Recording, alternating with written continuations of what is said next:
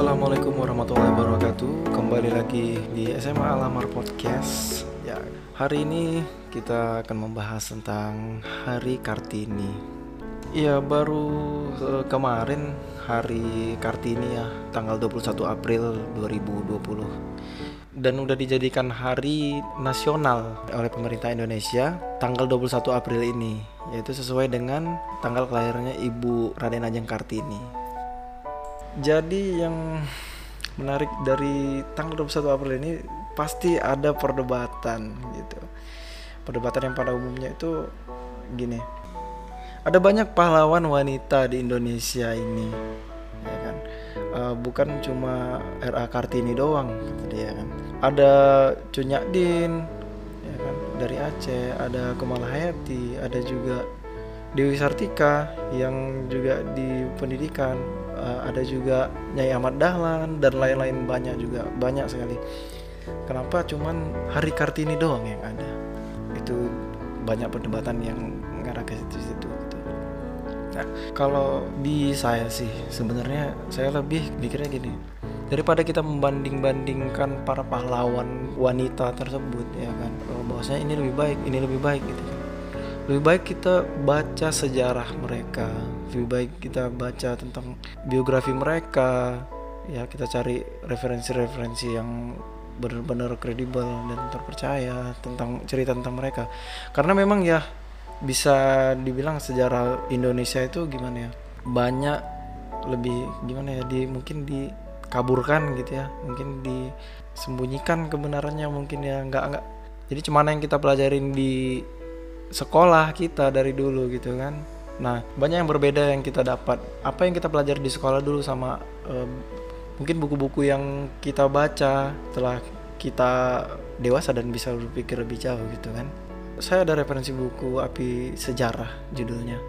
Dari itu ada dua jilid penulisnya itu uh, Profesor Ahmad Mansur Siranegara kalian uh, bisa pesan buku itu mungkin online kalian bisa cari. Saya cari di Gramedia itu nggak dapet saya keliling-keliling toko buku di Medan ya. Di Gramedia di Medan saya nggak nggak nemu. Di pasar buku juga nggak ada. Jadi dapatnya itu setelah beberapa beberapa waktu nyari gitu kan dan ada juga. Alhamdulillah dapat itu dari online.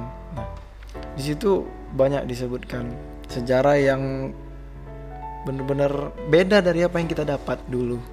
Waktu kita di sekolah dasar mungkin gitu ya beda dengan apa yang udah kita dapat dalam artian nggak sepenuhnya beda tapi banyak informasi tambahan di balik apa yang kita dapatkan itu. Salah satunya tentang RA Kartini ini.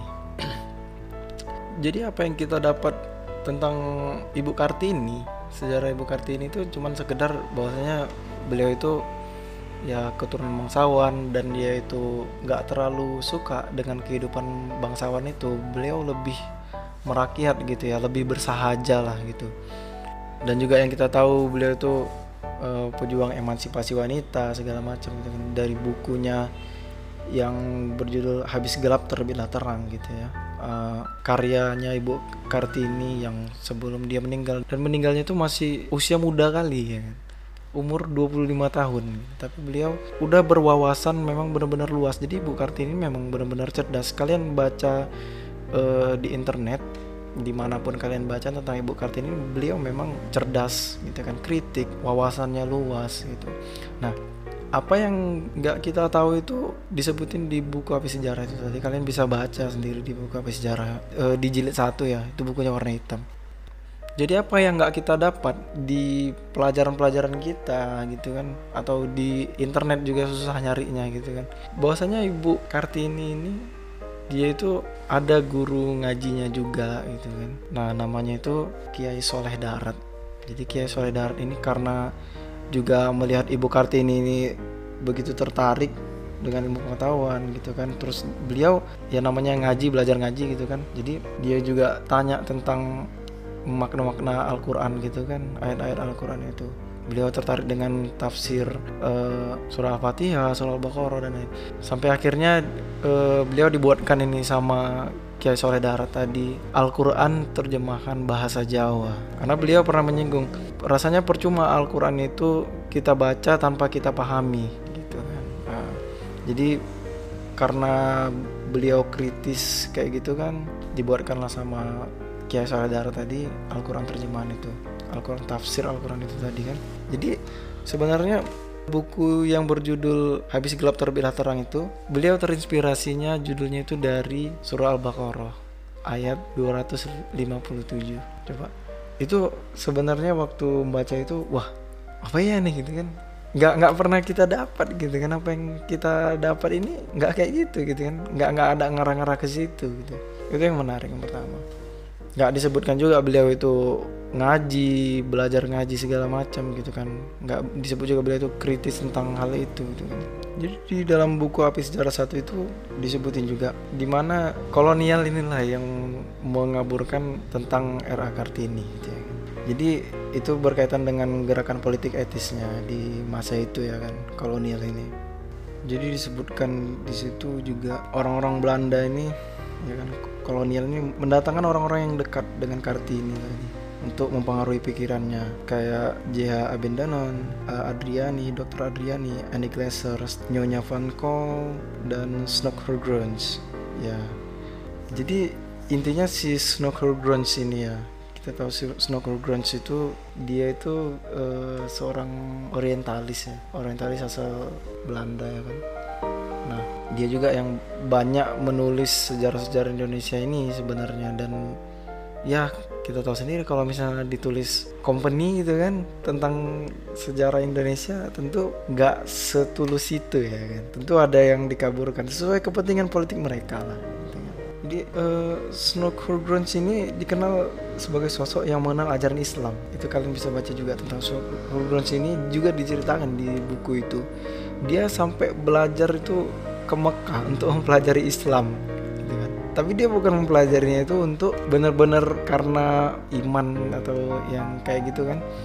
Tapi enggak dia itu karena politik sampai jadi sampai segitunya dia sampai mempelajari Islam sampai segitunya sampai ke Mekah. Dan begitu beliau balik ya udah kayak syekh aja gitu kan. Itu e, memudahkan beliau si Snook Grunge ini tadi untuk dekat ke ulama-ulama kayak gitu kan. Atau bisa dibilang menyerang dari dalam lah gitu ya. Kan jadi menurut Ahmad Mansur Negara dalam buku Api Sejarah itu Sebetulnya sosok Kartini yang cerdas itu nggak cuma tertarik sama pemikiran barat Kayak yang kita tahu selama ini gitu kan. Tapi justru dia juga mendalami pemikiran Islam. Jadi dahaganya Ibu Kartini tadi terobati ya kan? Pas dia tuh ketemu sama Kiai Soleh Darat tadi. Itulah yang kita ceritain sebelum di depan. Itu e, nama asli Kiai Soleh Darat itu Kiai Haji Muhammad Soleh bin Umar. Nah jadi kayak gurunya untuk pengajian keluarganya si Ibu Kartini ini ya. Jadi Ibu Kartini pun e, sering surat menyurat gitu ya dengan kawan-kawan dia tadi yang ada JH Abendanan ada Dr. Andriani, Annie Glaser dan lain-lain tadi termasuk uh, Snooker Grunge tadi ya kan. Di situ disebutin justru dari surat menyurat Kartini itulah terbaca nilai Islam di mata rakyat terjajah. Kolonial justru dinilai merendahkan derajat bangsa Indonesia ini karena para gerejawan justru memihak pada politik imperialisme dan kapitalisme ditulis di buku itu.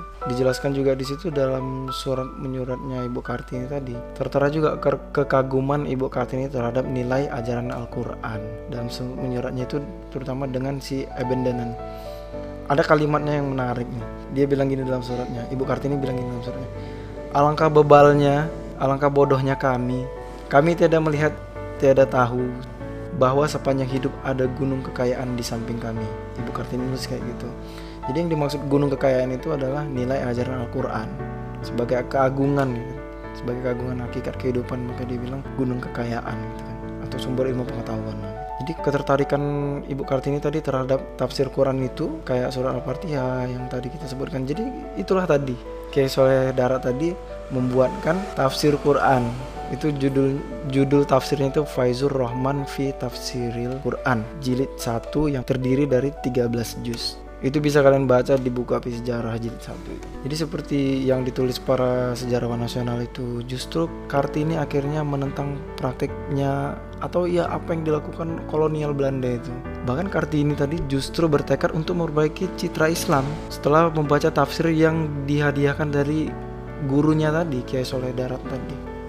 Ada juga kalimat yang menarik dari suratnya Ibu Kartini tadi ke eh, istrinya Abendanan itu. Di kalimatnya gini.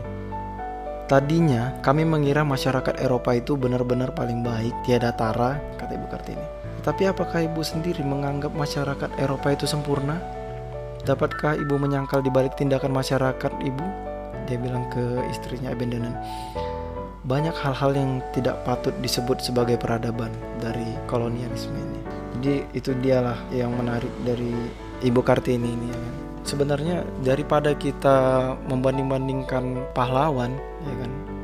Ibu Kartini nggak seberapa, dia itu nggak langsung megang senjata segala macam. Ya, memang iya ada pahlawan yang ternyata lebih gagah mungkin ya kan dalam artian terjun langsung ke medan juang ya ke medan perang dan bahkan jadi mungkin panglima perang atau semacamnya gitu atau yang lain-lainnya yang nggak disebutin dalam sejarah atau nggak dispesialkan seperti Ibu Kartini ini kan. Dibuat hari khusus segala macam gitu kan. Nah, memang iya benar.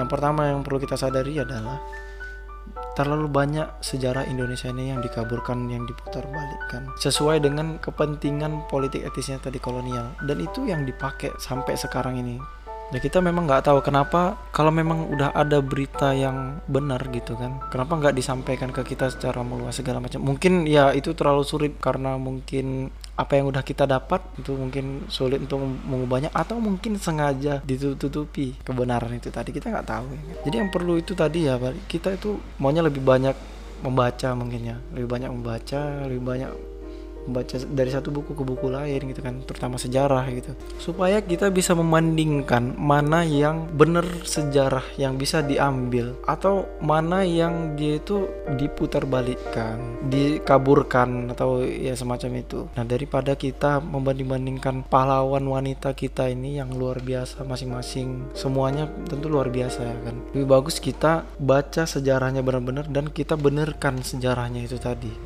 kita luruskan sejarahnya kita lebih bagus berusaha gitu daripada kita membanding-bandingkan. Nah karena udah dibikin hari kartini gitu kan jadi saya sebenarnya e, lebih memilih itu daripada kesannya itu kita kayak jadi merendahkan ibu kartini masih banyak yang lain gitu kan. Lebih bagus kita baca sejarahnya yang benar ya kan? Kita benerin pengetahuan kita tentang sejarahnya Ibu Kartini yang nggak kita tahu gitu kan. Dan kita baca juga sejarah-sejarah yang lain gitu. jadi kita bisa lebih bijak daripada kita membanding-bandingkan pahlawan ini tadi pahlawan-pahlawan kita yang hebat-hebat itu. Oke jadi sampai sini dulu cerita-cerita kita kali ini. Sahabat SMA Alamar pesannya sih perbanyak membaca giat membaca. Jangan males membaca jangan membaca cuman satu dua buku banyak banyak membaca gitu.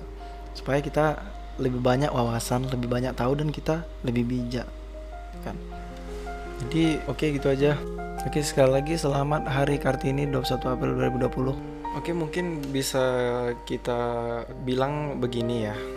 Uh, hari Kartini ini Ibu Kartini mewakili pahlawan-pahlawan perempuan yang lainnya yang hebat-hebat ya mungkin bisa dibilang gitu aja lah. Karena ya mau gimana pun hari kartini itu udah jadi hari nasional gitu kan. Biarpun ada pahlawan-pahlawan lain yang juga hebat dari macam versi perjuangan mereka gitu kan. Tapi ya tetap jangan dibanding-bandingkan. Jangan kita buat yang satu lebih hebat daripada yang lainnya. Jangan.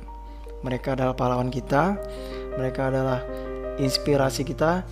Ketahui sejarahnya. Perbanyak membaca.